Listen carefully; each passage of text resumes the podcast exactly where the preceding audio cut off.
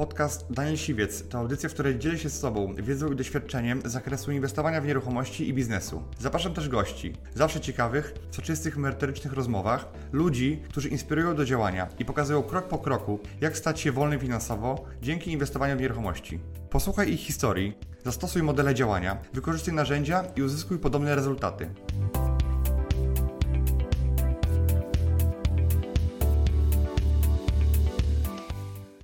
Cześć, witam Was w nowym odcinku Business Ridera, a moim dzisiejszym gościem jest Kamila Rowińska. Serdecznie. Kamila jest przedsiębiorcą, trenerem rozwoju osobistego, może bardziej osobowego e, i e, autorką ośmiu książek o rozwoju, tu między innymi Kobieta Niezależna, tu widzę, trzymasz e, tak. Będzie, będzie związany z tym konkurs, na końcu. także słuchajcie do końca.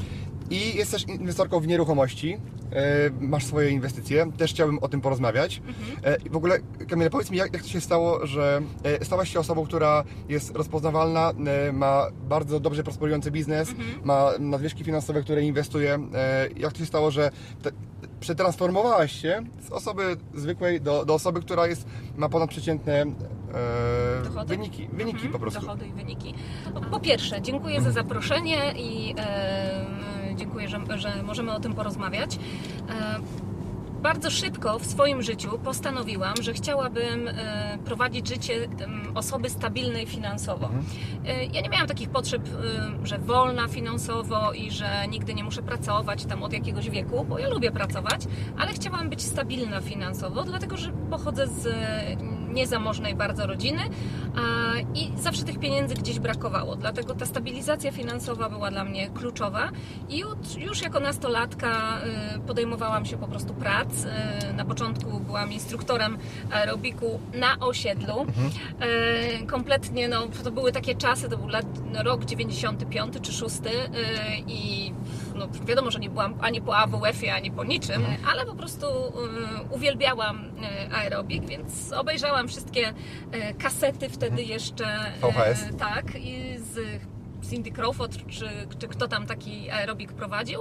Przygotowałam sobie program, poszłam na rozmowę kwalifikacyjną i, i dostałam e, to zajęcie, możliwość e, prowadzenia tych zajęć. E, A kolejno, wtedy, kiedy już miałam możliwość szerzej zacząć działać, no to po prostu brałam albo wszystko jak leci, ale też cały czas się rozwijałam w tym, żeby zarabiać więcej. Nie przewalałam wszystkich pieniędzy. E, Uczyłam się od najmłodszych lat, inwestowałam w siebie, w swoje szkolenia i wiedziałam od zawsze, że nie nadaje się do pracy na etat. Okej, ale skąd wiedziałeś, że trzeba inwestować w swój rozwój? No bo jakby mi tego nikt nie powiedział, ja to dorwałem jakąś książkę, to był u mnie Brian Tracy i tam on po prostu w- co na Tak. każdej stronie pisał, że trzeba skupować Trzeba- kasety, tak. słuchać y, książek roz, rozwojowych, czytać i jakby to był dla mnie taki, zaszczepiłem się, a u Ciebie jak to było? E, U mnie było tak, że rozpoczęłam e, jeszcze jako nastolatka działalność e, z firmą kosmetyczną, wtedy to była akurat Oriflame i widziałam, że tam są ludzie, którzy są e, kobiety, mężczyźni, którzy są konsultantami, konsultantkami i są też osoby, które są na stanowiskach e, kierowniczych. A zaczęłam pytać, e, co robią te osoby, które są na stanowiskach kierowniczych, za co oni dostają te Volvo służbowe, mm, skąd te pieniądze. Dowiedziałam się, że trzeba te osoby rekrutować, szkolić, e, budować po prostu organizację, która będzie sprzedawała. E, no i wiedziałam, że chodzę dopiero do mm, technikum. Nie mam prawa tego umieć, e, więc muszę się tego nauczyć. I okazało się, że zaczęłam szukać i książek, i szkoleń. Wtedy nie było jeszcze webinariów ani niczego. Trzeba było po prostu wstać o 5 w sobotę i dojechać na 10 do piekar śląskich z Gliwic e, na szkolenie. Posłuchać 3 godziny mądrego człowieka, który opowiada o, o sprzedaży, czy też o prowadzeniu spotkań mm, i zacząć to robić. I szybko bardzo zaczęłam zarabiać przyzwoite pieniądze.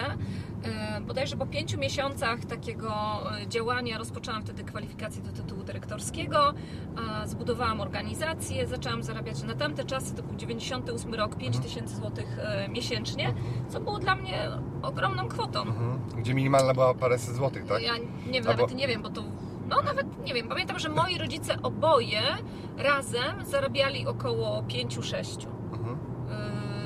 A no nie, mój, mój, y, mój ojczym wtedy nie zarabiał najgorzej. To 20 lat temu to i tak było dużo. Tak, tak, tak. No to nawet teraz y, u niektórych jest przecież Tak, dochód. mhm. tak i e, rodziny się mogą utrzymać, tak? Tak, tak, tak. Skromnie, ale ale się utrzymują i y, ja postanowiłam, że mm, okej, będę się rozwijała. Jeżeli jest coś do zrobienia, to po prostu Mhm. zrobię. Dlatego dużo się uczyłam.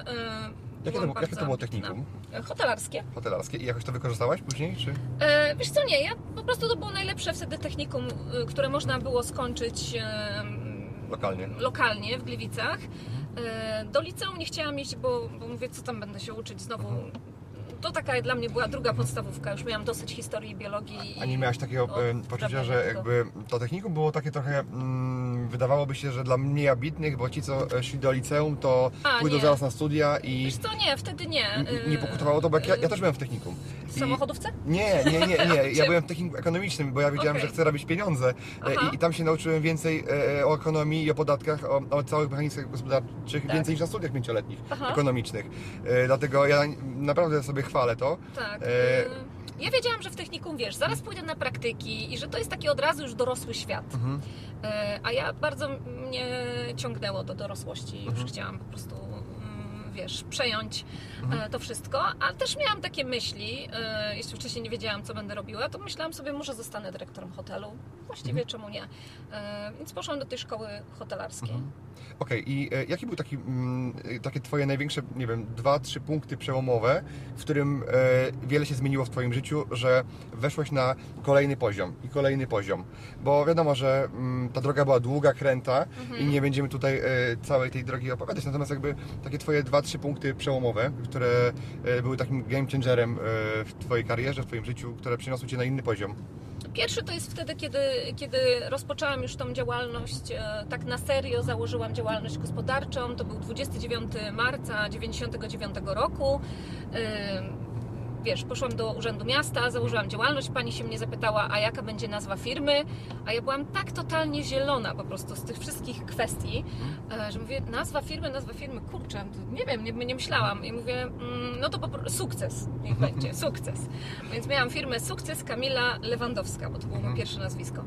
Mm, I to był taki moment, w którym powiedziałam, ok, to teraz żarty się skończyły, założyłam firmę i już tutaj będę po prostu działała. E, Poczułam się przedsiębiorcą, tak już formalnie i, i zaczęłam coraz więcej na ten temat czytać i, i się angażować w ten świat. Um, Kolejno takim ważnym dla mnie momentem mm, to był czas, e, kiedy miałam 28 lat. To był trudny moment. To był moment, w którym zachorowałam, miałam mm, guzy piersi, m, trochę problemów y, takich życiowych i prywatnych. I to jest taki trudny moment, który jednocześnie był dla mnie trampoliną, taką mentalną, do tego, aby obiecać sobie, że przestanę odkładać na później różnego Mhm. rodzaju plany. Ponieważ już kiedyś wcześniej, słuchając Eda Ludbruka na scenie, e, który przyjechał wtedy do, do firmy, z którą współpracowałam, wystąpić dla nas, tam było kilkaset osób na sali, to tak siedziałam, obserwowałam go i wtedy powiedziałam do koleżanki, która teraz ze mną pracuje, Karolina, ja, e, ja to tak bym chciała w Mhm. przyszłości. Ona mówi tak, a ja mówię tak, ja bym tak chciała. E, I wtedy właśnie jak miałam te 28 lat, taki mm, boom, że tak powiem, to powiedziałam, ok, jeżeli tylko wyjdę z tego, e, dostanę drugą szansę, to ja od razu przystępuję do realizacji tego swojego celu. E, nie będę już tam czekać na nie wiadomo co. I to był taki moment, w którym akurat osiągnęłam swój największy awans. Było pięknie, wszyscy mówili Kamila, odcinaj kupony, w ogóle jesteś na bardzo dobrej pozycji, wszystko jest świetnie, nie kombinuj.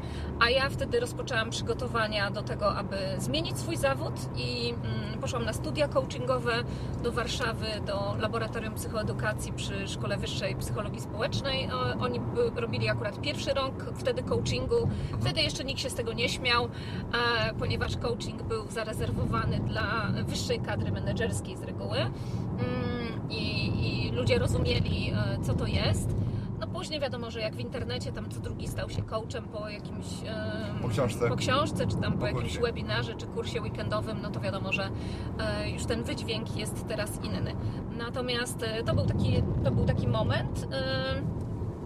No i kolejny taki e, czas dużej zmiany nastąpił wtedy, kiedy postanowiłam, e, miałam wtedy, czekaj, 28 i mm, później miałam 35 e, i postanowiliśmy z mężem wyjechać do Belgii z dziećmi na kilka lat. Akurat moja firma się szkoleniowa już wtedy rozwijała, bo ją rozwijałam już. I ludzie mówili Kamila, zwariowałaś, wyjeżdżasz do Belgii Tak. akurat na etapie takiego, wiesz, fajnego czasu, e, to jest twoje 5 minut i tak dalej. Ja mówię, mój czas trwa więcej niż 5 minut, ja sobie z tym poradzę. Po prostu będę zarządzała tym biznesem e, z Belgii. E, No i będę przylatowała na ważne spotkania, nie na każde, tylko na ważne. I, i to się okazało być dobrym pomysłem. Mhm. Bo dzisiaj mieszkasz w Polsce, tutaj w, Tak. Dy, w Dyni, w której się Tak. spotkaliśmy, ale za chwilę wiem, że wyla- Znowu tak, wylatujesz. wylatujemy i znowu się przeprowadzamy do Belgii. Tak, dwa lata mieszkamy w Polsce i e, no, ja też jestem człowiekiem, e, który e, miewa tak, że czasami coś krzyżuje moje plany. Przeprowadziliśmy się do Polski, ponieważ mój mąż marzył o karierze pilota w liniach lotniczych. Był taki warunek, że możemy to zrobić, jeżeli będziemy mieszkali w Polsce, po to, żeby nie było tak, że i mnie nigdy nie ma w domu, i jego nigdy nie ma w domu, i tam wiesz, ja latam, on lata, a dzieci same. Mm, No ale pandemia jednak e, na chwilę obecną zastopowała tak mocno awiację, że rozwój tej kariery dalszy w takich warunkach, jakie są dla nas do zaakceptowania, bo oczywiście jakoś tam za grosze można latać, e, no jest do nas, dla nas nie do zaakceptowania, dlatego ustaliliśmy inny plan i po Okej, prostu że wracacie. się. Mhm. Okej, i chciałem y, zapytać, bo jakby my się dzisiaj poznaliśmy, można powiedzieć, że Tak. e, znamy się chyba tak bardziej e, z widzenia Internetowego. internetowo, ja jakby Cię obserwuję od kilku lat już e, Twoją działalność, ale i myślę, że do Ciebie też dochodzą słuchy gdzieś tam o, o, o, o, tym, o tym, co, tak. co ja robię, bo też nie, nie da się e, pewnie, nasi klienci te, też pewnie e, Tak. rozmawiają. Bardzo często przychodzą kobiety na moje warsztaty e, z flipów czy z obrotów nieruchomościami. i mo- Pozdrawiam Justynę. tak. Niebińską. E, Pozdrawiamy. I jakby, mm, jakby bardzo często mówią, że były u Kamili i dostały takiego kopa do działania Mhm. e, i chcą coś zrobić w swoim życiu i na przykład u mnie dostają e, na przykład model biznesowy, tak? I, Mhm. e, I jakby ja znam Ciebie bardziej nie z tego, że ja te szkolenia przeszedłem, bo, bo, bo ich nie Tak. przeszedłem, chociaż byłem na jednym, muszę Ci powiedzieć, e, online, ale to A, może no, później to- powiem. E, i e, widzę, że po prostu one bardzo sobie chwalą e, Twoje warsztaty, więc jakby ja, ja wiem e, od moich klientów, tak, że, że co robisz i jak, jakiej jakości usługi świadczysz, więc stąd też e, Cię obserwuję jako taki mm, kogoś, kto no, ma dobre praktyki e, w kontekście tego, że można coś od Ciebie wziąć, zmodelować e, i, i wykorzystać na przykład w moim biznesie, bo, bo ja również robię warsztaty. Mhm. I, a, a wracając do tego, to, to byłem na Twoich warsztatach mm, na kobiecie niezależnej, ponieważ Mhm. kupiłem ten kurs e, swojej żonie, bo pomyślałem sobie, że warto by było, żeby e, od Ciebie tą wiedzę wzięła. I teraz wtedy akurat była pandemia, był ten pierwszy lockdown i ona oglądała ten kurs w internecie. Ja tam się dosiadłem i, i też tam praktycznie pół dnia e, razem z Tobą spędziłem, więc Mhm. można powiedzieć, że wiem, co jest tam mm, w środku. I chciałem Cię o to, Twoją książkę zapytać, Kobieta Niezależna. Mhm. Czy to jest też książka, o tym, o, kim jest kobieta niezależna, Mhm. o czym jest ta książka i czy to jest książka, którą e, powinien przeczytać e, mężczyzna też? Mhm. Kobieta niezależna to jest mój bestseller, e, w którym, który powstał na takim moim sprzeciwie, ponieważ jestem też mamą dwójki dzieci i żoną i odkąd pamiętam, gdzieś tam społecznie byłam wpasowywana w jakąś rolę. E, I słuchałam o jakichś przekonaniach i pomysłach na mnie, że ja powinnam to, że ja powinnam opiekować się domem, że ja powinnam, e, tam nie wiem, pranie robić, gotować i tak dalej. Ja powinnam, ja powinnam, ciągle Kobe, kobieta, kobieta. kobieta to, to Tak, kobieta tamto. powinna Tak. być miła, y, ładna, atrakcyjna, sympatyczna, po prostu niezbyt taka, wiesz, do przodu, gdzieś tam w kącie cicho siedzieć, dziećmi się zajmować, tworzyć, y, no być taką ugodową. Y, I mówię, no dobra, ale gdzie jest moja y, tożsamość zawodowa, biznesowa? I no tam jakoś pracę sobie znajdź, pieniążki sobie zarobisz i tyle. I, mm, no i się z tym nie zgadzam oczywiście, gdzieś tam wewnętrznie. Uważam, że każdy powinien y, realizować taki swój potencjał, jaki chce zrealizować. I jeżeli ktoś ma ochotę być mamą, przedsiębiorczynią, mm, założyć fundację, zrobić kilka innych rzeczy, a, to może to zrobić. Tym bardziej, że rodzinę tworzymy przecież y, razem z mężem. Dzieci mamy wspólnie, no to dlaczego ja bym miała tylko i wyłącznie być jedną osobą, która się tym zajmuje? Towarzysząc też podczas szkoleń, bo ja prowadzę szkolenia ze sprzedaży, z budowania zespołu e, i z komunikacji asertywnej, to towarzysząc ludziom e, na tych szkoleniach, zauważyłam, że najwięcej mężczyzn przychodzi. Na początku ja byłam trenerem, który miał najwięcej mężczyzn na sali szkoleniowej. E, dopiero kobieta niezależna to zmieniła. Mhm. Teraz jesteś e, bardziej kojarzona z, Tak, ze szkoleniami dla dla kobiet. kobiet. Mimo Tak. tego ja wiem, że są u Ciebie mężczyźni na sali To, też. to prawda, ale, ale dlaczego tak się wydarzyło? Mężczyźni przychodzili do mnie uczyć się właśnie zarządzania zespołem, sprzedaży e, i przychodziły też kobiety, bo miały taką śmiałość, o jakaś babka prowadzi szkolenie, no to idę. E, mm, I e, bardzo często mówiły, a ale to nie dla mnie, bo ja nie mogę, bo ja to, bo ja tamto. I ciągle miały takie przekonania, że pieniądze są złe, że ona się nie nadaje, że ona się nie zna na inwestowaniu, co mnie najbardziej po prostu e, zawsze tak ro, rozjuszało. I mówiłam, ale czy coś robiłaś, żeby się poznać? No nie, nie robiłam. Ja mówię, no to jak masz się znać? No, zn- znasz się na tym, na czym zdecydujesz się, że chcesz się poznać. No, wtedy pomyślałam, no czas o tym napisać, w związku z czym napisałam książkę Kobieta Niezależna, w której e, roz... Ten temat rozłożyłaś na łopatki. Rozłożyłam ten temat na łopatki i y, tam nauczyłam kobiety, jak łączyć y, wszystkie swoje role.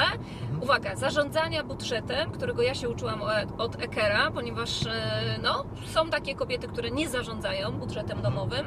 Mężczyźni też oczywiście Tak. tacy są. Eker mówi, że, że są takie wymówki często, które mówią, że ktoś mówi, że będzie się nim zarządzał, jak będzie go miał. Tak. A nie ma go dlatego, że tym małym nie zarządza. Dokładnie. No jeżeli tak, nie będziesz mieć dużych pieniędzy, jeżeli małymi nie zarządzisz. E, Tam jest również o maksymalnej produktywności i to, co najważniejsze, pokazałam w tej książce pięć różnych kobiet z różnych branż, e, bardzo różnych od siebie, które e, osiągnęły taki sukces zawodowy albo biznesowy, ponieważ niektóre pracują w korporacji, a niektóre e, założyły swoje biznesy, e, a niektóre są gwiazdami internetu.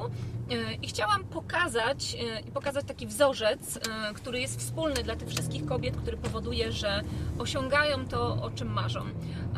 No i książka bardzo szybko stała się bestsellerem, a to spowodowało, że masa kobiet zaczęła przychodzić na szkolenie Kobieta Niezależna, bo to w 5 lat było ponad 15 tysięcy kobiet na żywo. E, No i w związku z tym później zaczęły przychodzić na wszystkie inne szkolenia, więc teraz jest tak, że 90% sali to są kobiety, 10% sali to są mężczyźni. Mhm, tylko odwró- role się od- od- odwróciły. odwró- odwróciło się. Tak. I teraz jakbyś miała powiedzieć tak jeszcze, jaki jest wspólny e, mianownik dla tych kobiet, które e, osiągają sukces, albo ogólnie dla ludzi, tak by, które mm, tam w książce wymieniasz? E, Jeżeli chodzi o te kobiety, no to oczywiście ogromna determinacja, takie y, mm, racjonalne podejście do biznesu, do finansów, do, do życia. Nieustanny rozwój, one wszystkie nieustannie się rozwijają w tej swojej dziedzinie i chcą być coraz, e, coraz lepsze. Pracują nad sobą y, i nad swoimi przekonaniami. Niektóre już mają to przepracowane. E, Pracują nad tym, aby rozwijać się cały czas, aby pracować nad wyższą, za wyższą stawkę godzinową i uwaga, mm, nie mają poczucia winy, że pracują. Wiele kobiet ma poczucie winy, że pracuje, że się realizuje zawodowo albo naukowo. Kosztem rodziny, E, Bo męża mówi i się dziecka. im, że one się realizują kosztem właśnie rodziny, męża, dzieci i tak dalej. Mężczyźnie rzadko kiedy się mówi, że to jest kosztem rodziny. Nie, on się dla rodziny przecież poświęca, co nie? Tak. Także, a kobieta kosztem rodziny się realizuje.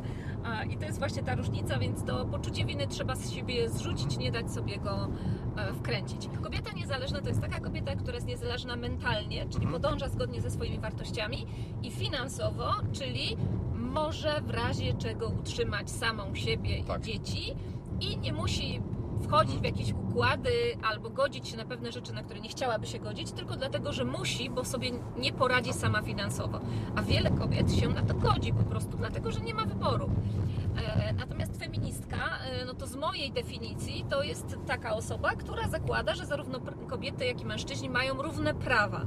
I jeżeli skorzystamy z tej definicji, to ja jestem również feministką. Chodzi o to, że jeżeli ja jestem niezależna, ty jesteś niezależny, to y, możesz tworzyć związek y, i być wtedy w takiej współzależności słodkiej.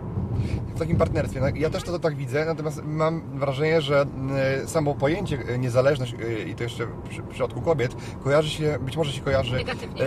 Nie, może nie nie negatywnie, ale może być obawa w tych kobietach niektórych, które mówią sobie, że one nie chcą być decydentkami, albo faceci mogą się bać, że ich kobiety staną się zbyt niezależne, a być może oni jakoś ekonomicznie na nie wpływają, albo czują, że mają nad nimi pewną kontrolę i być może nie, ch- nie, Tak. nie chcą ich wypychać na ciebie na to szkolenie, a, a tak jakby od wewnątrz to wygląda całkowicie inaczej, tak? Że to nie chodzi o to, Tak. żeby te kobiety buntować przeciwko całemu światu i mężczyznom, tylko bardziej, żeby dodać im siłę i taki e, fundament do tego, żeby były samodzielne. Tak, Tak, i żeby stworzyć też takie środowisko kobiet dla nich, e, w którym one będą czuły wsparcie i nie będą em, się tak wyróżniały y, na tle, w sensie, że nie będą jedną taką czarną owcą, ponieważ e, jak czasami przyjedzie kobieta y, na szkolenie, kobieta niezależna, strzelam, niech przyjedzie, skąd ty jesteś? Lublin. Z Lublina. To, no to, to ja byłam kiedyś w Lublinie, występowałam. Na, no to załóżmy, jeżeli ona przyjedzie z Lublina do Warszawy na takie szkolenie i nie jest normą w Lublinie bycie kobietą niezależną, Mhm. a już na pewno na przykład nie w jej rodzinie, e, pozdrawiamy Lublin, dajcie znać, e, jak to u Was jest, no to w, wtedy jak ona wróci do domu, no to powiedzą jej, to co, teraz, będziesz wojująca feministka, to już się chcesz ze mną rozwieść, to co Ty teraz, e, męża nie potrzebujesz, albo kobiety inne będą jej mówić, że e, no pojechała do Warszawki i tutaj teraz wiesz, kozaczy, dziećmi teraz się nie będzie interesować, rodzina już jest dla niej nieważna, tylko karierowiczka. Mogą być takie przytyki i jeżeli ona będzie cały czas bombardowana takimi komunikatami, no to oczywiście jeżeli jest super silna, to ona odpuści w ogóle, wiesz, Tak, ona musi mieć... tego- ale jeżeli tak. nie, to fajnie by było, żeby znała też inne kobiety z tej społeczności, które powiedzą jej: Okej, ja się spotykam z podobnymi wyzwaniami, to jest w porządku. Tak? Ludzie muszą się do tego przyzwyczaić dopiero, tak jak na Bo zawodzie. oprócz wiedzy jakby, że ty jej uświadomisz, ale potrzebne jest też ot- otoczenie, yy, tak? Wspierające. Tak, i też działanie, no bo no to, to takie trzy rzeczy, które gdzieś tam ja, ja wymieniam zawsze, żeby przetransformować się z osoby, która nie inwestuje, do osoby, która może to robić tak naprawdę, Tak. e, może to robić na dużą skalę i to niekoniecznie e, zaczynając z pieniędzmi. Bo wiele osób, bo moi warsztaty właśnie to robi to bez kasy i ja pokazuję właśnie, że jak wezmą wiedzę, nawet najlepszą na świecie, Tak. to bez tego otoczenia, o którym teraz Ty mówisz, no nic sobie nie dadzą, bo wrócą do siebie i każdy im powie, co zwariowałeś. tak. No i trzeba być niezwykle silnym wewnętrznie, żeby Mhm. wyjść ponad to. Właśnie moje warsztaty kończy mm, około 30% kobiet, czyli 70% to są mężczyźni, 30% są kobiety.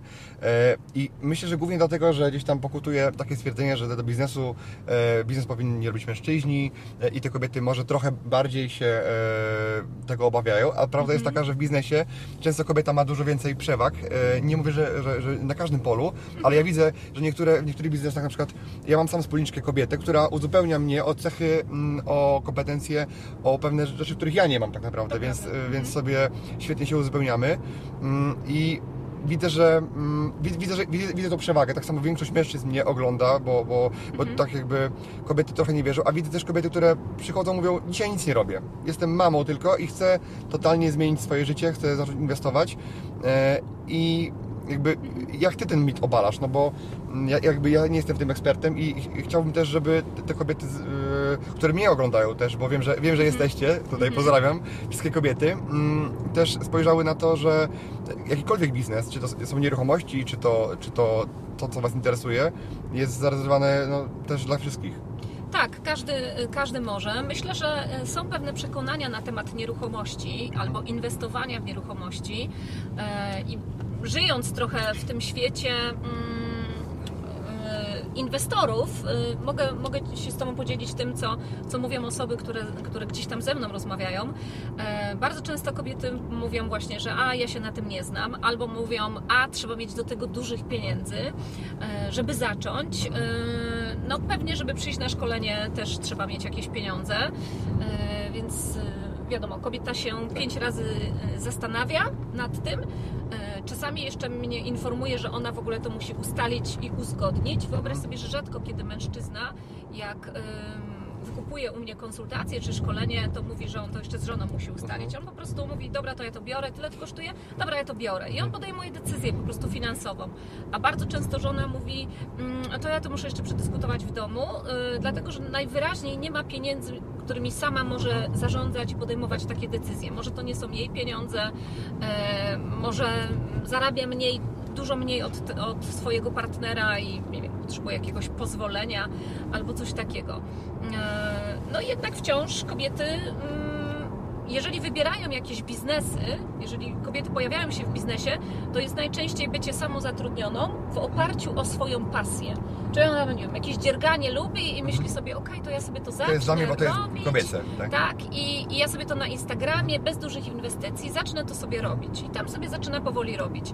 Jakaś inna, y, nie wiem, coś po prostu innego potrafi stworzyć i bardzo często tworzą takie, wiesz, albo rękodzieło, albo tego typu biznesy, takie artystyczne, które mm, no, mają bardzo małą szansę na to, żeby stać się wysokodochodowymi Tak. i skalowalnymi biznesami. Mam nadzieję, jest. że po zobaczeniu tego odcinka y, bardziej się otworzą kobiety na Ja widzę inwestowanie. takich wiele cech, które mają kobiety, na przykład empatię. E, mają być może lepiej niektóre słuchają. E, Tak. niż mężczyźni. Tak, takie cechy zarezerwowane bardziej dla, dla, kobiet, e, które pomagają załóżmy bardziej w inwestowaniu, no bo ja jestem bardziej e, taki konkretny. Niektóre są bardziej ostrożne, Tak. wiesz. ym, Ja tego tak aż bardzo nie upraszczam, że mężczyźni i kobieci Tak. się w tym różnią, kobiety i mężczyźni w tym różnią, ponieważ no, ja mam męża, który jest bardzo empatyczny i można nawet chyba powiedzieć, że bardziej ode mnie w niektórych sytuacjach, albo spokojniejszy ode mnie y, w wielu kwestiach. Y, Więc ja tego tak nie upraszczam, natomiast y, jestem przekonana, że mm, kobieta może sobie z tym poradzić po prostu, bo ona nie ma nosić y, ciężkich po prostu pustaków na tak, budowie, tak. O. e, tylko no, akty notarialne ma podpisywać. Inwestor też ma tego, e, tego nie robić. I teraz jest Tak. tak. dużo przekonań, które mnie blokowały, żeby wejść w ten biznes, bo ja też nie Mhm. miałem kapitału, jak wchodziłem. E, nie miałem też znajomości, nie znałem ani jednej osoby, nie wiedziałem, co jest księga wyczysta i mi te same wszystkie rzeczy blokowały. Dokładnie. Ale też, no, powiedzmy, nie, nie blokowało akurat, tak? E, ale no, wiem, wiem, że to gdzieś tam si- siedzi głęboko. E, I chciałem się zapytać jakby o, o Twoje inwestycje w nieruchomości, bo wiem, że też inwestujesz różnie i Tak. ciekawy jestem jak, bo, bo nie mam pojęcia nigdzie, Mhm. tego nie znalazłem, nie słyszałem o tym przygotowując się do, do tego e, spotkania. E, Jak Ty inwestowałeś dzisiaj, kiedyś, jak Ty teraz jak inwestujesz? dzisiaj? Mhm. Jakie masz podejście do mm, lokowania nadwyżek finansowych? Mhm. E, To tak, po pierwsze od momentu, w którym y, mogłam, mogliśmy, bo żyję w małżeństwie, mogliśmy sobie pozwolić na to, aby y, zacząć inwestować, no to pierwsze pieniądze, kiedy jeszcze nie było żadnych jakichś takich szkoleń na ten temat, to wtedy, kiedy pojawiły się pierwsze pieniądze, to po prostu kupiliśmy e, działki na Mazurach, e, bo stwierdziliśmy, no na Mazurach, no to zawsze tam ktoś będzie chciał coś, więc kupujemy działki e, i po prostu, żeby te pieniądze nie leżały, żebyśmy tego przypadkiem nie rozwalili, nie kupili jakiegoś lepszego samochodu albo czegoś, to po prostu wbijamy e, się w te działki. I to był taki pierwszy pomysł na zasadzie leży, jeść nie woła. Mm, Lokalizacja jest bardzo dobra, bo to, że trzy razy lokalizacja jest kluczowe, no to już wiedziałam. Tak. E, Więc mówię, dobra, no to od tego zaczniemy.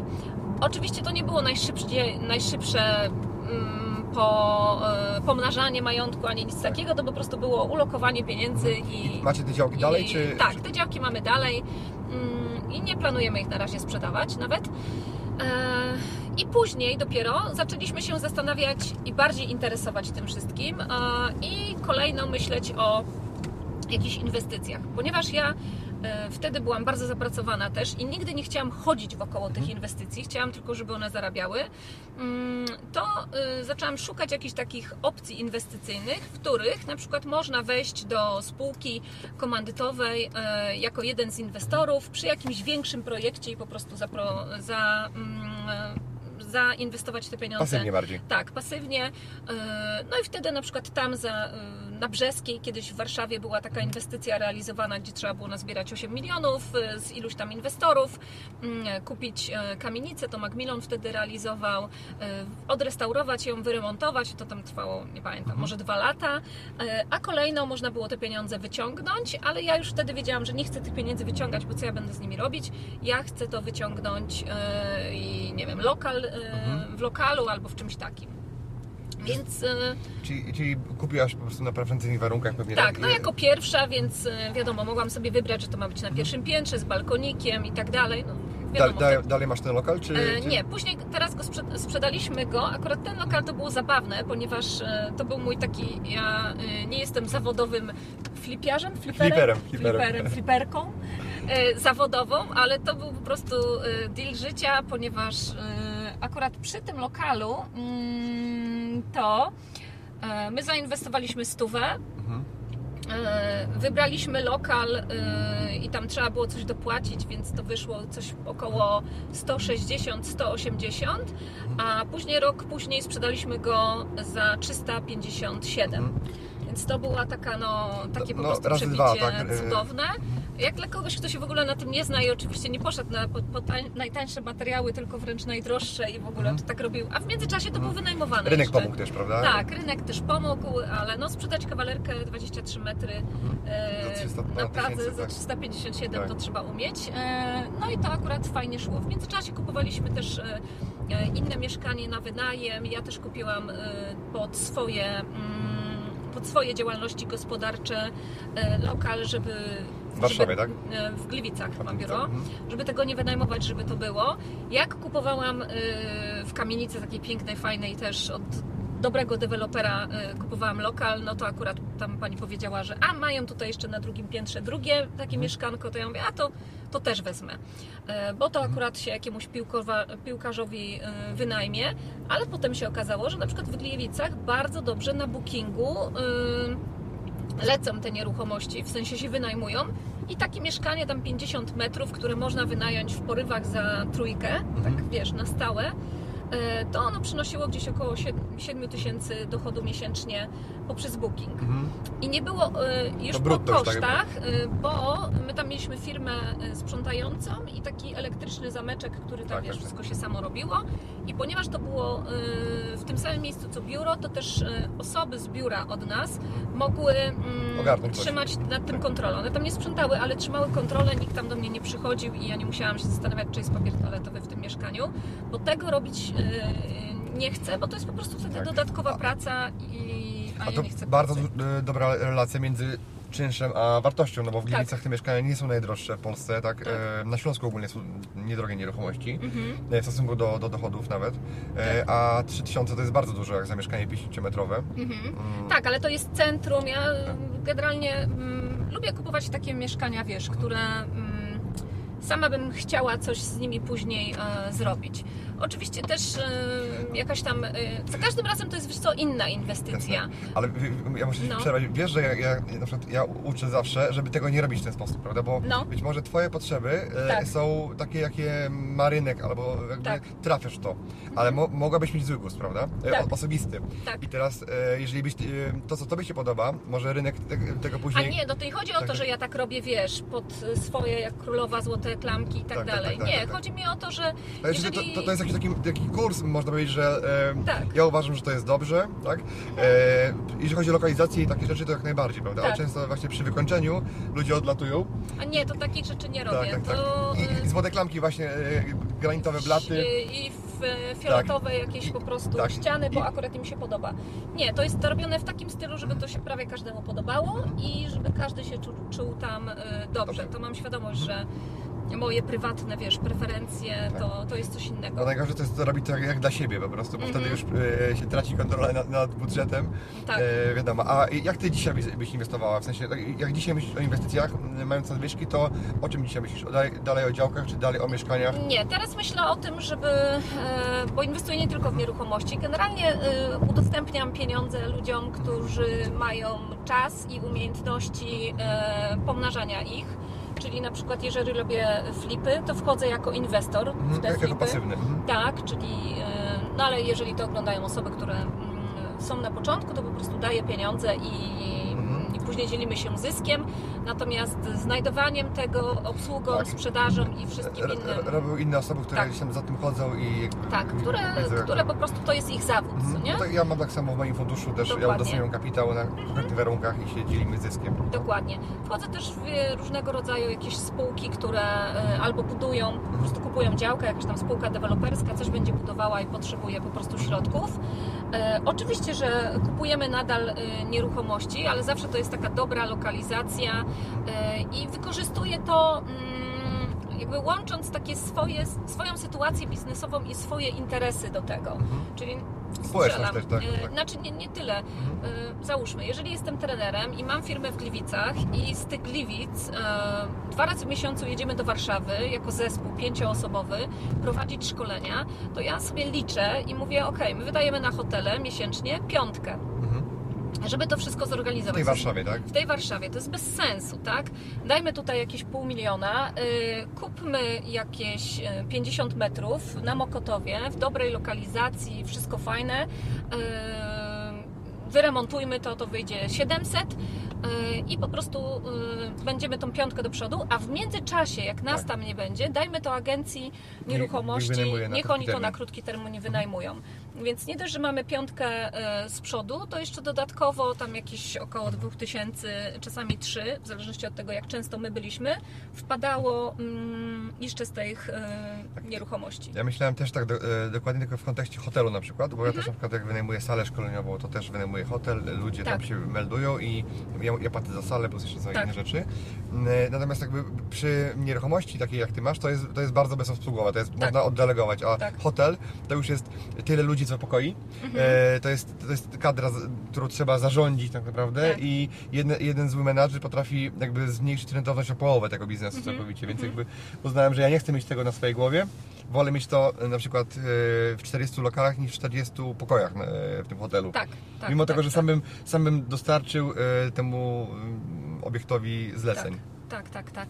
Ale ym, dzisiaj nawet na mastermindzie rozmawialiśmy o tym, że y, czasami jest taka pokusa, jak już coś masz, y, Mhm. mówiąc po śląsku, pochytane biznesowo, żeby jeszcze w coś wejść. Tak.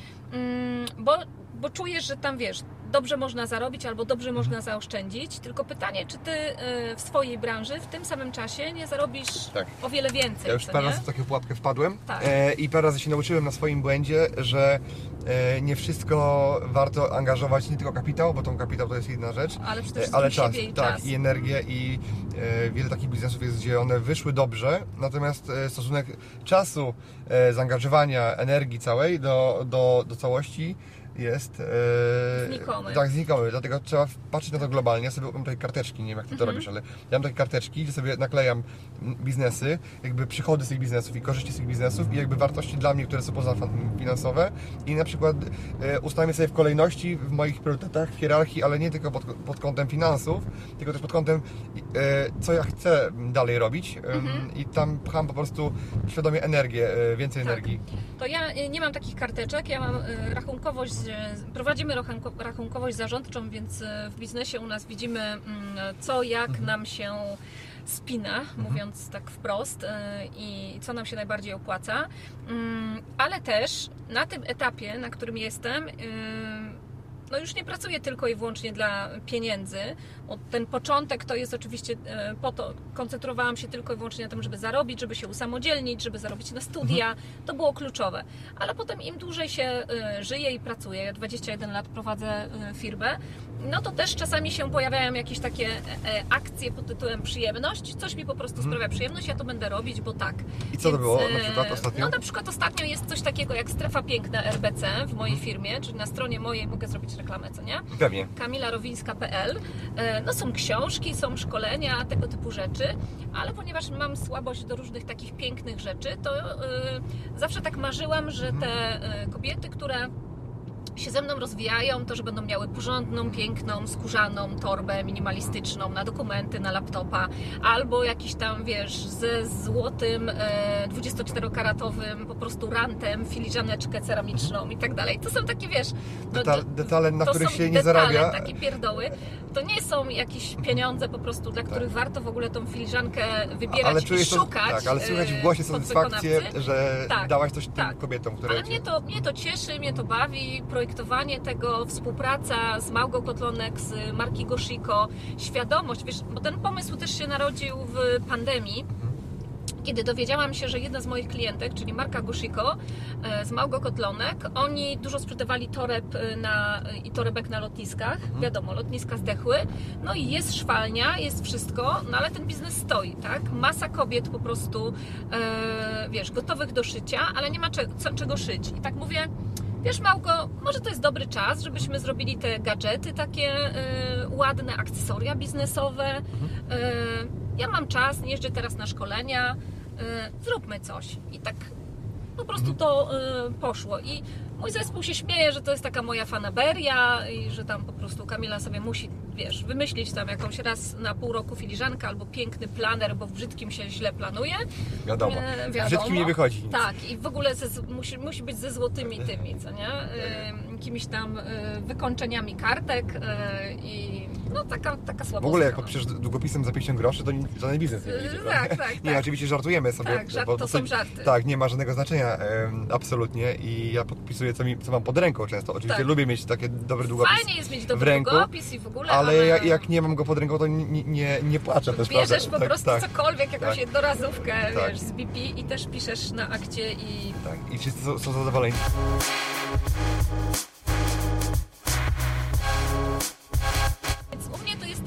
Najpierw są wy, y, wysokie życiowe wartości, potem jest wysoka stawka godzinowa, czyli robię to, do czego jestem najlepiej powołana, co jest najlepszym wykorzystaniem mojego czasu zawodowo.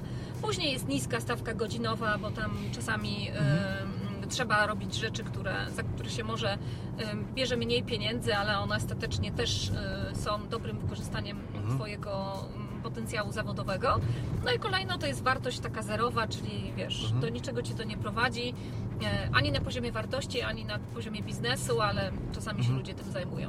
Właśnie ta stawka godzinowa mi się tak negatywnie kojarzy, wiesz, Mhm. bo mm, jakby ja rozumiem, to jest punkt odniesienia pewien. Tak. Mm, jakby ja mam takie dwie teorie na ten temat. Jedna to jest taka, że ja nie robię nic, co jest mniej warte niż mój czas, Mhm. czyli przeliczam sobie ile ja zarabiam na, e, na godzinę, mimo tego, że za godzinę nikt mi nie płaci. No tak. E, I na przykład jak jest coś do zrobienia, czego nie lubię, to po prostu do, delegowuję.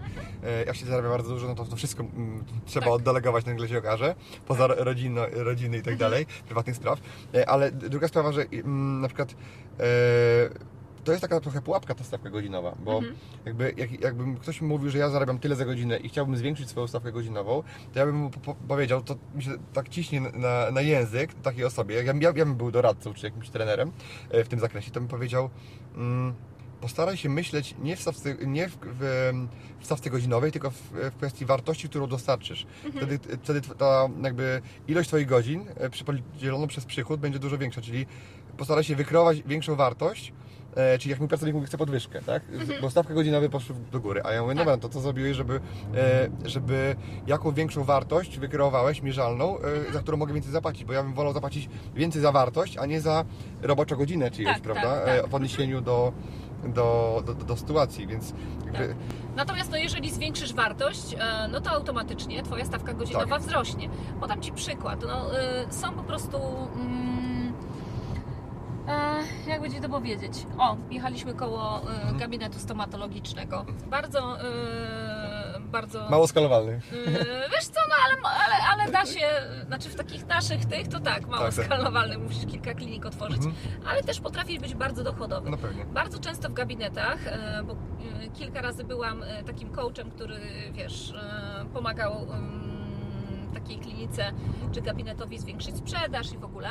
E, Albo obserwowałam, jak pracują z pacjentem, z klientem, żeby, żeby on był faktycznie pacjentem, który, który będzie zadowolony, zdecyduje się na współpracę dłuższą. To często obserwuję kobiety i mężczyzn. No i tak, mężczyzna oczywiście, jak idzie na medycynę i później wybiera stomatologię, specjalizację, no to bardzo często się zastanawia, ok, dobra, no to co tam, no implanty, co nie, implantologia albo nie wiem, jakiś e, protetyka i kombinuje po prostu, żeby to było coś, co jest, wiesz, Dochodowe. dochodowe, duże przełożenie na, e, na pieniądz. A kobiety na przykład czasami idą w takim kierunku, że o, to ja, bo to ja to bym tam chciała borować tym dzieciom te ząbeczki, co nie? Mhm. No kurde, plomba po prostu wypełnienie dla dziecka kosztuje chyba z 300, e, a się pół godziny musisz nagadać z balonikiem, e, a kolejne 15 tak. minut, wiesz, A im, a im, e, a im lecisz. w tysiącach, prawda? Dokładnie. I chodzi o to, że okej, to jest w porządku. Jeżeli, jeżeli nie chcesz dużych pieniędzy, to to jest w porządku po prostu, ale y, ważne, żeby sobie zdawać z tego sprawę. Czy to, co ja robię aktualnie teraz zawodowo, to czy to jest najlepsze wykorzystanie mojego potencjału, mojego czasu? Moja siostra właśnie taką pułapkę wpadła, bo miała naprawdę bardzo dobrze się uczyła, w odróżnieniu do mnie miała same piątki, yy, pasek, jakby nie miała żadnej czwórki chyba nawet. No. I poszła na farmację. E, I teraz Co, jest panią w aptece? jest panią w aptece i jakby i, i to nie jest jeszcze złe, że ona pracuje w aptece jako farmaceuta, prawda? Natomiast jej dochody e, dzisiaj e, są mm, dwa razy mniejsze, albo m- o nie wiem, 30% mniejsze niż wszyscy, którzy u mnie pracują w firmie. I teraz, a ja nie zatrudniam farmaceutów, to były trudne studia, pięcioletnie. Wystarczyło, żeby skończyła medycynę, gdzie zrobiłaby to z taką samą łatwością e, jak, jak, Tak. to, jak to farmację, rok dłużej by się uczyła i tam by na stażu dostała więcej, jako mm, dwudziestokilkuletni e, stażysta dostałaby więcej niż ma po 10 latach pracy w aptece. To prawda, ale zwróć uwagę na to, że mężczyźni o tym częściej myślą, ponieważ e, społeczeństwo wymaga od mężczyzny, że on będzie zarabiał Tak. pieniądze. Będzie filarem, o, tak, będzie filarem i w ogóle tam po prostu dom wybuduje, jeszcze nie wiadomo, drzewo posadzi, Tak. coś tam. A od kobiety się tego nie wymaga. Społeczeństwo od kobiety najczęściej wymaga, żeby była dobrą matką, dobrą żoną i żeby ładna była, no. Tak, i spełniona, tak. I, No i spełniona, tak. więc ona teraz jest w takiej pułapce, nie, nie ma co za bardzo zrobić, bo już jakby mm, ciężko jej się cofnąć e, i skończyć tą medycynę, chociaż e, to jest re, dalej- dalej realne, ale jest w takiej trochę pułapce, bo w mnie jest jakby bardzo duża podaż Mhm. e, a, mm, absolwentów Akademii Medycznej czy Uniwersytetu i tak naprawdę wyceniają tą pracę mm, podobnie do, do osób, które pracują na przykład na stacji, w kasie na stacji benzynowej. Mhm. Więc to jest tak- taki Ma, ma paradoks. mniej niż 30 lat, czy więcej? E, więcej niż 30, tak? 30, 30 e, kilka ma lat, także, Mhm. także e, oczywiście ona może zmienić e, wiele rzeczy, prawda? Natomiast e, gdzieś tam widać, że źle zainwestowała, e, ale musi zrobić pivot, czyli musi po prostu przekręcić. Tak, no musi się zastanowić, wiesz, nie będziemy twojej siostrze tutaj Tak. układać życia bez jej zgody, co nie? Ale jakby oglądała, to ja bym jeszcze tę mat- medycynę machnęła, jak się tak dobrze uczy. Tak, to, E, bo może jednak, albo przynajmniej niech aptekę otworzy, bo jak ktoś chce aptekę otworzyć, to potrzebuje jakiegoś farmaceuty jako wspólnika z tak. tego, co Ja parę razy o tym myślałem, tylko to nie jest najbardziej intratny biznes, on się jest dochodowy w momencie, w którym ma się sieć i jakby się Mhm. Okej. ma pewien efekt skali, a jeżeli się robi mm, taką manufakturę, Mhm. małą aptekę e, lokalną, to wtedy tak naprawdę to się ledwo spina. To jest na Mhm. zasadzie mieć aptekę, żeby mieć aptekę, a nie żeby... Okej. jakby, Ale te studia pewnie jeszcze mogą jej się przydać e, w jakichś innych, e, w jakimś innym zawodzie. Na pewno farmaceuta może pracować jeszcze gdzieś firmie indziej. farmaceutycznej, tak? E, tak, niż tylko właśnie. Tak, ale to jest kwestia lokalizacji, bo wyobraź sobie, że To trzeba się przeprowadzić. no właśnie, po- pod, pod miastem, czyli na, na małych miejscowościach, bardzo małych miejscowościach płacą dwa razy tyle Mhm. niż, niż, niż w dużym mieście wojewódzkim. I to jest paradoks y, to taki, że e, no, to- to, jest, no, to jest prawa rynku, pra- prawda? Tak. To, Siostra zrobi to, co, e, Co- co- uważa. co- w każdym razie gratuluję, zazdroszczę.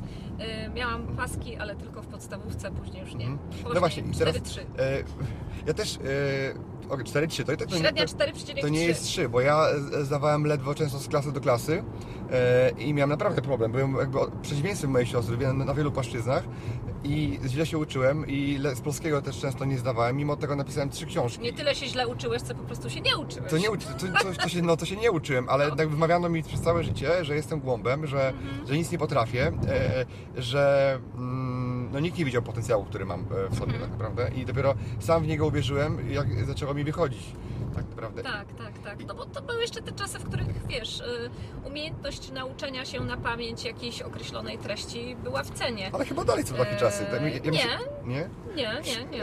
Nie? Nie, Gdzie niegdzie tak, znaczy Mhm. wiesz, no ja mam dwójkę dzieci w wieku szkolnym. Jedno ma 8 lat, Mhm. drugie 16. Yy, I oczywiście dbam o to, żeby zdawały z klasy Tak. do klasy i to nie jest mi obojętne.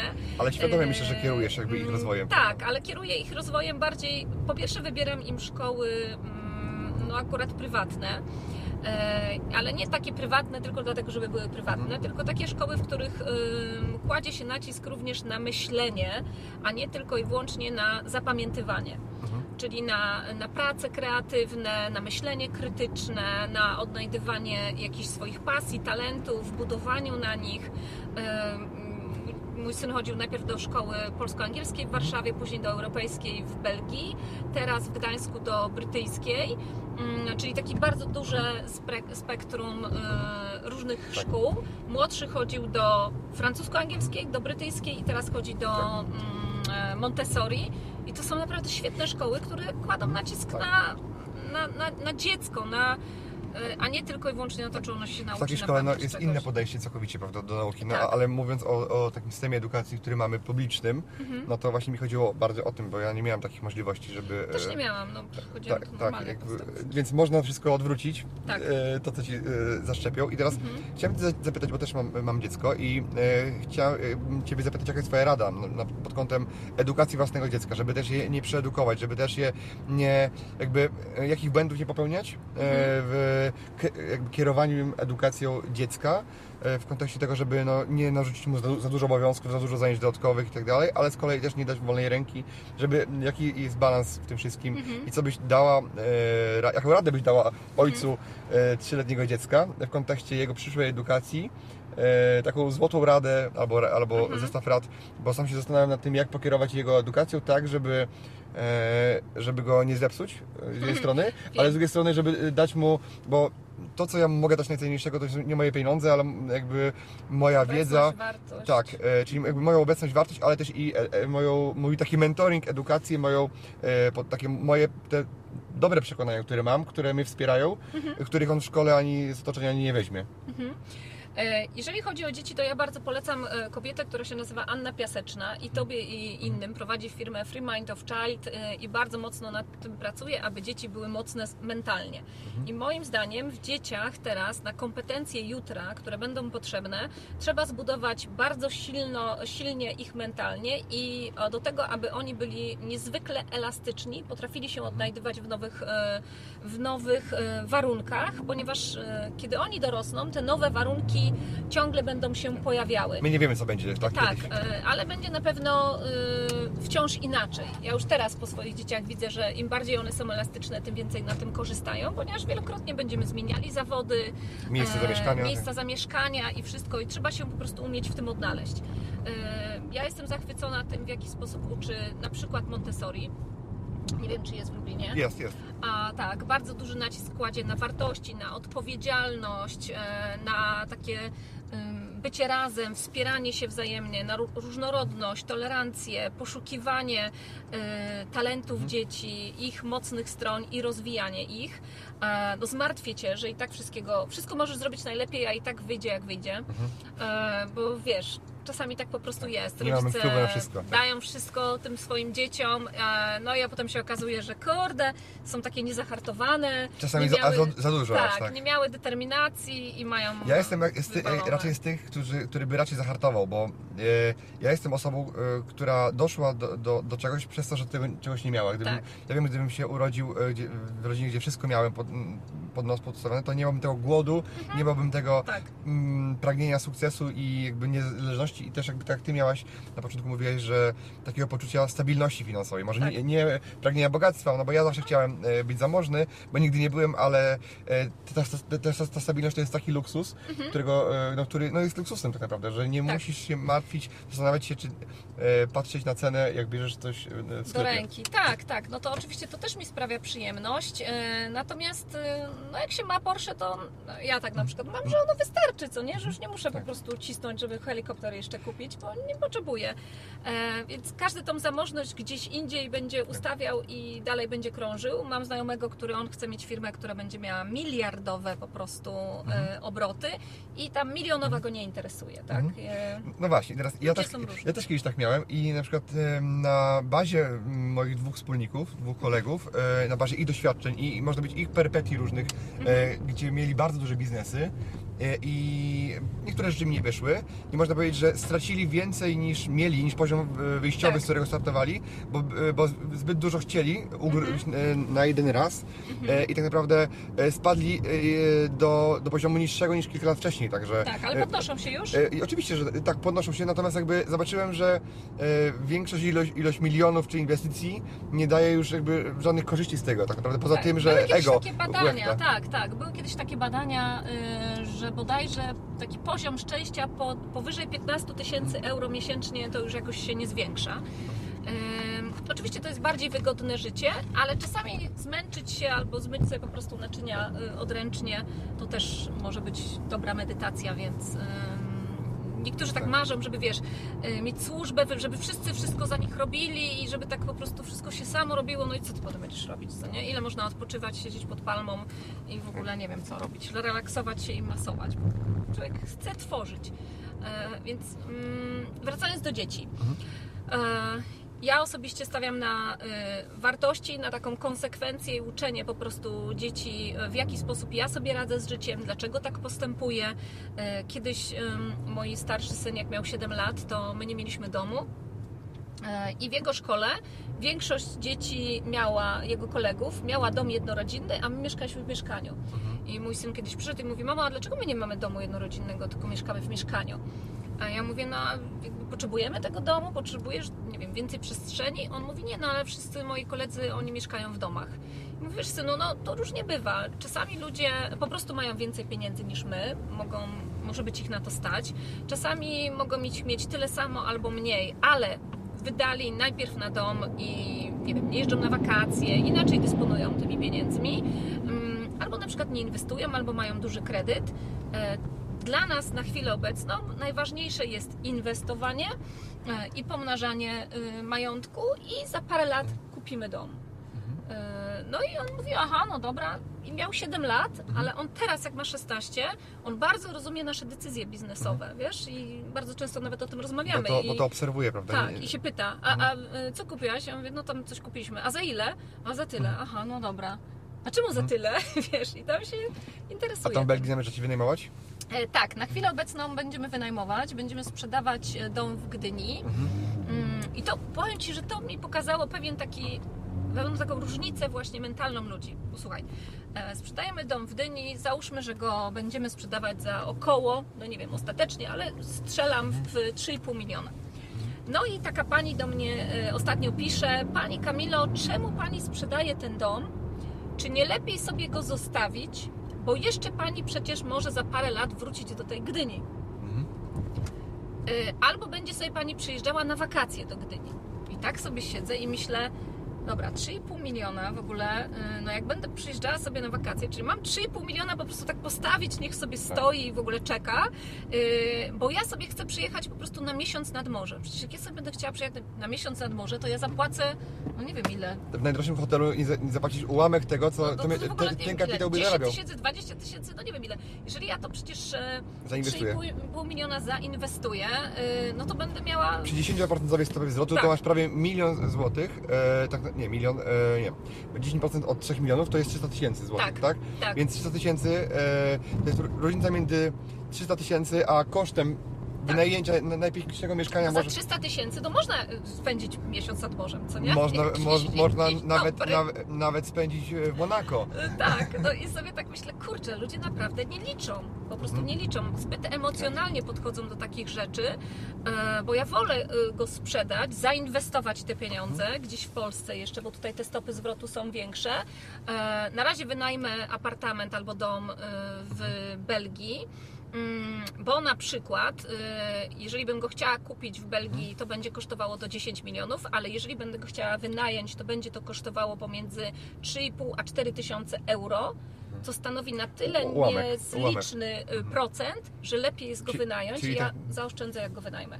Ale liczę to, a ludzie Ale tego nie liczą. nikt tego nie rozumie. Ja też mieszkałem Mhm. przez 5 lat, ostatnich lat w domu, mimo tego, że pomnażałem pieniądze i obracałem dużymi pieniędzmi. E, miałem domy, które budowałem dla innych i, i Tak. jakby natomiast bardziej mi się opłacało wynająć dom, bo znalazłem okazję oczywiście na rynku najmu, gdzie płaciłem mni- mniej pieniędzy za, za czynsz tego domu niż odsetki od kredytu, na który bym wziął, na przykład, żeby go kupić. Tak. Więc to, to, to, to było. E, ale no każdy mówi, no dlaczego nie masz swojego? Bo, bo liczę, no, bo Tak. jestem po ekonomii i po prostu w, w tych warunkach mi się nie opłaca.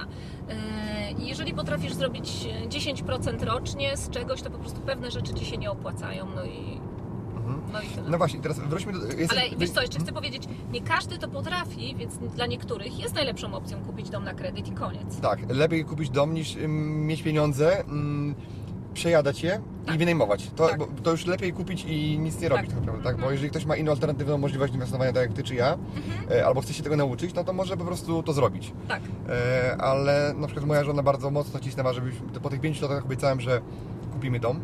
E, tak, i bo już jakby bo w pewnym momencie też już nie, nie chodzi o to, żeby wszystko tak jakby mm, Odliczać, każdą złotówkę, prawda? No bo jak zarabiasz więcej pasywnie niż jesteś w stanie no, Wydać, sko- skonsumować, tak jakby, tak, no to to już tak nie masz aż takiego znaczenia. Tak samo z samochodem. Samochód luksusowy, na przykład sportowy, kabriolet, Mhm. bardziej się opłaca, możesz wynająć sobie Ferrari za- na, za 20 parę tysięcy na miesiąc, wtedy kiedy się go używa i się nim jeździ, a utrata wartości samochodu, który kosztuje milion złotych, to jest e, zaraz z ubezpieczeniem ze wszystkim, to jest ponad 100 kilkadziesiąt tysięcy Tak. e, za, za to, że on stoi w zimie w garażu. Mhm. Tak, tak. Ja akurat miałam kiedyś e, fajne cabrio w Belgii. Na szczęście jeździłam nim. Miałam Mhm. BMW Z4, bo Okej. zobaczyłam Mhm. Jamesa Bonda, jak jeździ BMW Z4 i też chciałam kiedyś. Więc miałam 35 lat, kryzys wieku średniego i mówię, wysiadam wreszcie z Mhm. e, tych kombi i ja chcę mieć teraz Mhm. po prostu taką e, BMK cabrio na budyniu. E, taki fajnie składający się dach i w ogóle, no cudne. Na budyniu w sensie, że taka jasna Mhm, skóra tak, tak, jak ten, tak, jak moja tutaj. bluzka. E, ale po dwóch czy tam trzech latach, jak miałam to auto, już się nasyciłam, to sobie myślę, kurczę, ja nim właściwie jeżdżę na siłownię, dwa, dwa kilometry i jeszcze tam gdzieś i to wszystko. E, a czasami nie mam gdzie zaparkować, to może ja jednak będę jeździć taksówkami. I teraz jak się przeprowadzamy do Belgii, to bierzemy duże jedno nasze auto, ale to drugie małe sprzedajemy, bo ja wątpię, że ja będę jeździć tam samochodami. Raczej, e, raczej będę jeździć taksówkami i nawet na to samo wyjdzie przy tym moim jeżdżeniu. Jest, jest też wygodne. Tak, jest mi też wygodniej. I właśnie będziesz mieszkała w Belgii i e, chciałem Cię zapytać właśnie o zdalne zarządzanie, Mhm. e, bo to jest coś, coś ciekawego dla mnie i mm, jak, jakby, jakich technik Ty używasz, e, jakby jakich takich rytuałów swoich e, do zarządzania zespołem, bo wiem, że nawet jeżeli wyjedziesz za granicę, to nie ma znaczenia, bo i tak masz zespół w innym miejscu Tak. w Polsce, więc Tak, to, czy tak, będziesz tak. sterowała nim z Trójmiasta, czy e, z Belgii, ma on, jest na Śląsku, to tak naprawdę nie ma znaczenia, Tak. Mhm. bo dystans jest podobny e, i jak, jakby, jakich Ty używasz narzędzi i jakby jakich takich, czy takich rytuałów swoich. Dobrze, po pierwsze zatrudniam kilkanaście osób na etat. Większość z nich pracuje w, na Śląsku, w dwóch biurach y, w Gliwicach, ale jest też kilka osób, które już y, są w innych lokalizacjach w Polsce i pracują zdalnie.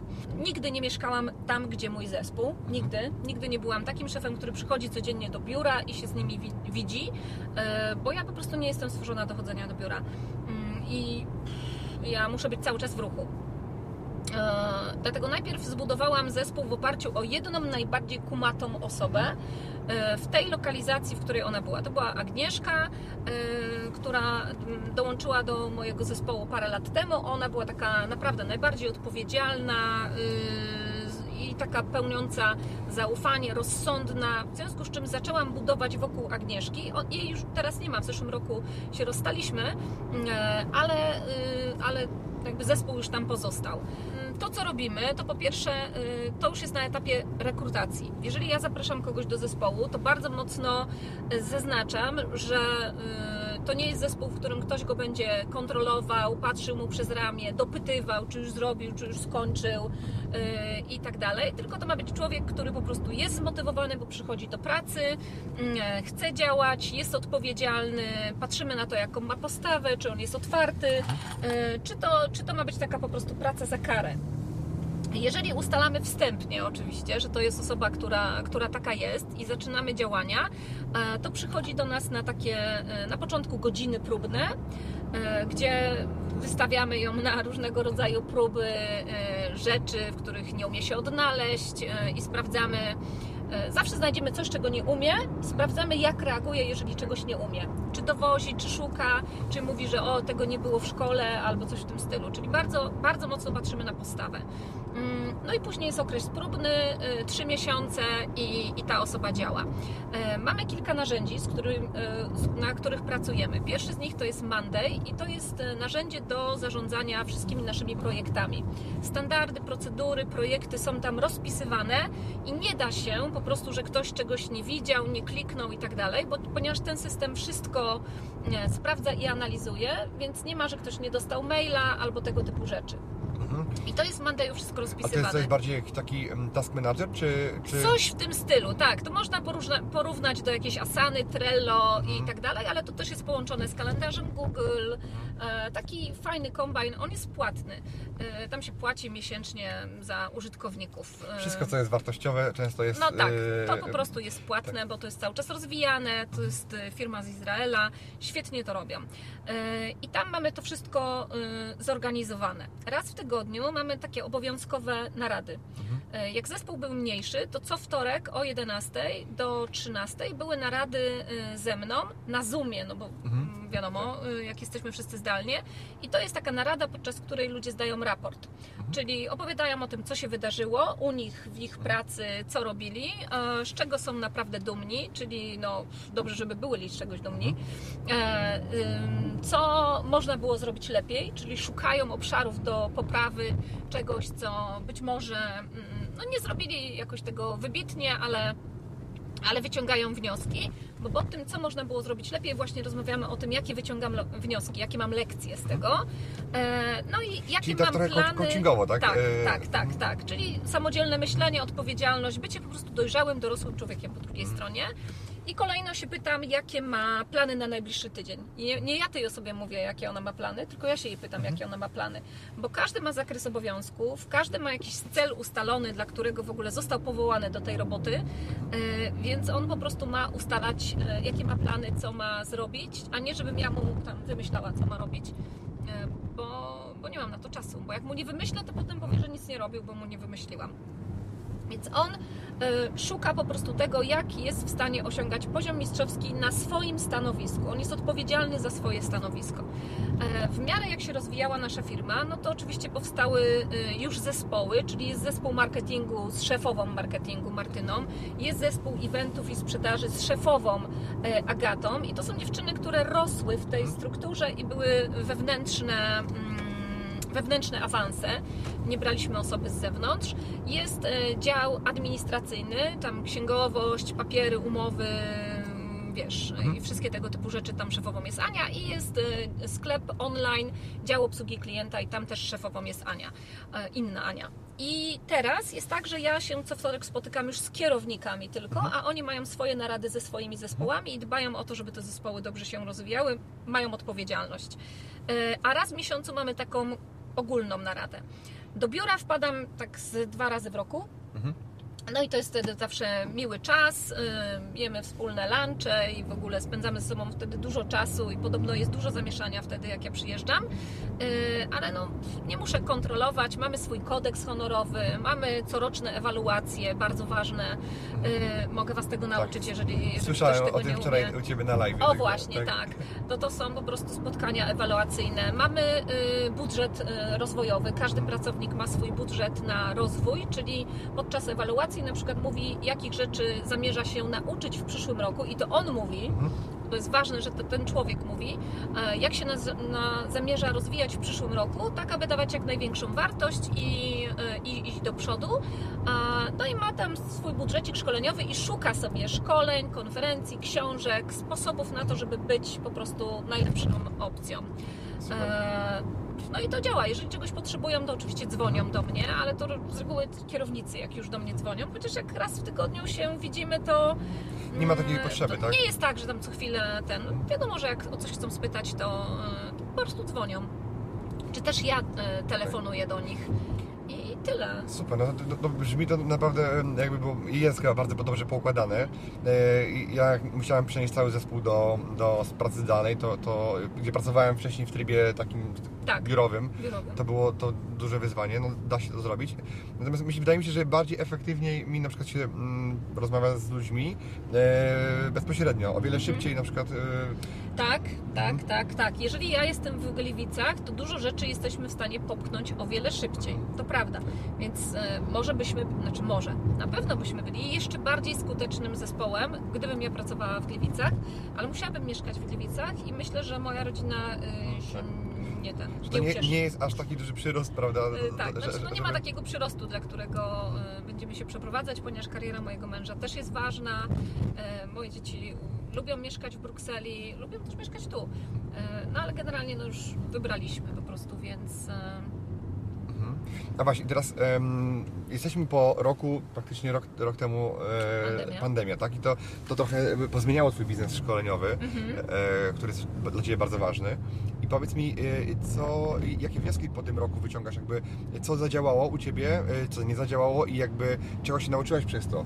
A to był taki, taki czas, w którym można było powiedzieć e, w, naszej, w naszym biznesie sprawdzam. Zresztą Mhm, w wielu tak. biznesach, ponieważ ciągle się mówi o tym, że ludzie mają być zaangażowani, proaktywni i w ogóle elastyczni, otwarci na nowe wyzwania.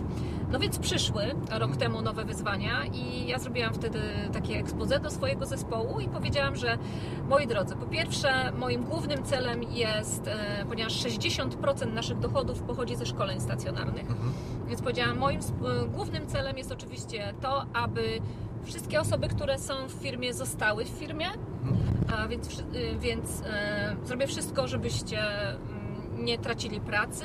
E, w drugiej kolejności zrobimy wszystko, abyście nie mieli obniżonych wynagrodzeń, czyli żeby one zostały takie, jakie są. No i żeby to się wydarzyło, no to musimy znaleźć e, sposób na uzupełnienie tej luki, która, która powstanie, czyli te 60% gdzieś musimy znaleźć, tak? A, no i zaczniemy od tego, że mm, jest strona kosztowa. Zastanówcie się proszę, jakie Wasze zespoły generują koszty oprócz e, wynagrodzeń, które być może warto by było przyjrzeć się im i je ściąć. A w drugiej kolejności zastanowimy się oczywiście nad tym, e, jak e, możemy model biznesowy nasz e, e, przenieść punkt ciężkości na, e, na inne szkolenia, bo nie wiemy, jak długo to potrwa. Bo jeszcze wtedy mówimy, no, może miesiąc, może dwa. Potem się okazało, że dłużej. Tak.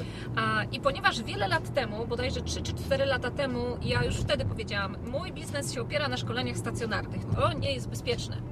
E, Ja to muszę zdywersyfikować. To założyliśmy platformę RBC Master Club, zrobiliśmy kursy online i, i już ten Tak. biznes się tak fajnie e, rozłożył. Ale myślałaś wtedy bardziej nie o bezpieczeństwie, bardziej, że jak nie będziesz mogła prowadzić, tylko chyba bardziej o skalowaniu, prawda? E, I Ale o bezpieczeństwie Tak. też, bo wiesz, jeżeli to ja muszę stanąć na scenie, e, no to wiesz, To jest zależne od jej- od- chora, czy tak, coś, tak, nie tak. będzie mi się chciało i, albo coś w tym stylu, więc wolałam się tutaj zabezpieczyć i powiedziałam, musimy stać na mocnych dwóch nogach. E, ponieważ no, spółka jest rentowna, od, odkąd istnieje, mamy zawsze środki i nie wszystkie były wydawane oczywiście, no to powiedziałam dziewczyny, no ma- mamy pieniądze, spółka spokojnie poradzi sobie, ale tu nie chodzi o to, żeby przeżerać e, zapasy, nadwyżki, tylko o to, żeby przycisnąć tak, żeby wykonać plan roczny. I znalazłyśmy wszystkie sposoby na to, aby zwiększyć sprzedaż. Na przykład dział u nas e, eventów stał się działem sprzedaży telefonicznej. e, Przez te wszystkie miesiące, czyli kierowniczka eventów dostała za zadanie: OK, jesteś kierowniczką, masz e, stanowisko kierownicze, wypłatę kierowniczą, samochód służbowy. Co ty teraz możesz w firmie robić, żeby y, no to się jakoś zgadzało, tak? Tak. Ta wypłata i to wszystko.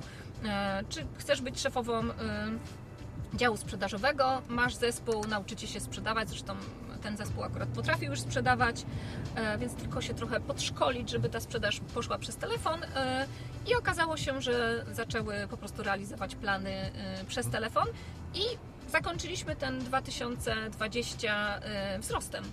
Także plan został wykonany, premie uznaniowe były, wszystko było. Natomiast tego, czego się nauczyłam, to to, że jak ważne jest to, żeby zawsze mieć jakiś plan B, że nic nie jest na zawsze i tak, nikt nie, jest, na Nic pewno. nie jest stałe, no. Tak, nic nie jest stałe, y, cały czas trzeba będzie się zmieniać i że jednak y, ważne jest to, y, z kim pracujesz i wbrew pozorom nasz zespół się wzmocnił przez tę pandemię. To były mocne wciry, ale się wzmocniliśmy, ufamy sobie, mm, wiemy na kogo możemy liczyć, co się dzieje. Mm, Trochę było łomotu, ale. Wi- wiadomo, no, na pewno Ty też byłaś mm, zaniepokojona na samym początku. Jak, Oczywiście, jak, to tak. będzie, każdy był, ja też byłem, a- ale no z perspektywy teraz widzimy, My że... mieliśmy plan, co będzie, jak ja wyląduję w izolatce. Mhm. Nawet, bo wiesz, na początku były takie e, Tak. z, z telewizji gdzieś, że ktoś po prostu siedzi w jakiejś izolatce, bo ma koronawirusa dwa tygodnie, co nie? Jest myślę, ja pierdzielę, jak mnie zamkną w takiej izolatce, kto będzie klikał przelewy, bo ja we wtorek Mhm. e, zatwierdzam przelewy, co nie? I ja mówię, a jak tam bez telefonu człowiek siedzi? Więc ustalaliśmy po prostu plan B, co będzie, Co jeżeli będzie? ja wyląduję w izolatce. Wtedy co byś zrobiła? To wtedy trzeba dwóm osobom dać pełnomocnictwo, Tak, tak, e, żeby tak. one miały łączne do, e, podwójną autoryzację, prawda? Żeby dwie osoby Tak, tam akurat kwestia mojego męża wyszła Mhm. w grę, że on tam wszystko dostaje, z kim się mają kontaktować, po co, na co Mhm. i, i co będziemy robili, więc Zróbmy teraz konkurs. Obiecaliśmy Tak. e, osobom, które nas oglądają, że, że zrobimy konkurs. I teraz e, chcemy, żebyście na dole pod tym filmem napisa, e, na, na, napisali, e, co, jaką największą lekcję bierzecie od Kamili. tak, największe takie wnioski, Tak. e, ważne lekcje. I w odniesieniu do siebie też, prawda? Że, żeby to też nie było na zasadzie jednego słowa, tylko w odniesieniu swoją lekcję i dlaczego. Jak ją wykorzystasz? A Kamila tam e, dwie osoby, które komentarze najbardziej jej się spodobają. Tak. e, napiszę Wam e, z prośbą o, e, o wysłanie swojego adresu, także taką książkę z dedykacją Tak, m- będzie z dedykacją. Będzie z dedykacją, e, no imienną nawet. Nie, nie podpiszecie ich teraz, tylko będę je wysyłać osobiście od, e, ze swojego biura. E, nie, ze swojego domu. Więc- z zagranicy. Już nie, tak w maju że- to z Gdyni. Z Gdyni, okay. paczuszka. To myślę, że w maju jeszcze, także Tak. dzięki wielkie e, za, ten, e, za ten wywiad, bo bardzo dużo e, udało nam się tematów poruszyć, to chyba jeden z, z dłuższych, ale no z Tobą bym jeszcze chyba rozmawiał tutaj e, Tak. wiele godzin, bo, bo, bo, bo mamy sporo, sporo wspólnych przestrzeni, także Mhm. dzięki wielkie, Super, dziękuję bardzo. Powodzenia w takim razie. cześć. Dziękuję Ci, że wysłuchałeś do końca. Jeśli ten podcast był dla Ciebie interesujący, zapraszam do słuchania kolejnych odcinków. A jeśli chcesz jako pierwszy otrzymywać powiadomienia o nowych odcinkach, subskrybuj mój podcast.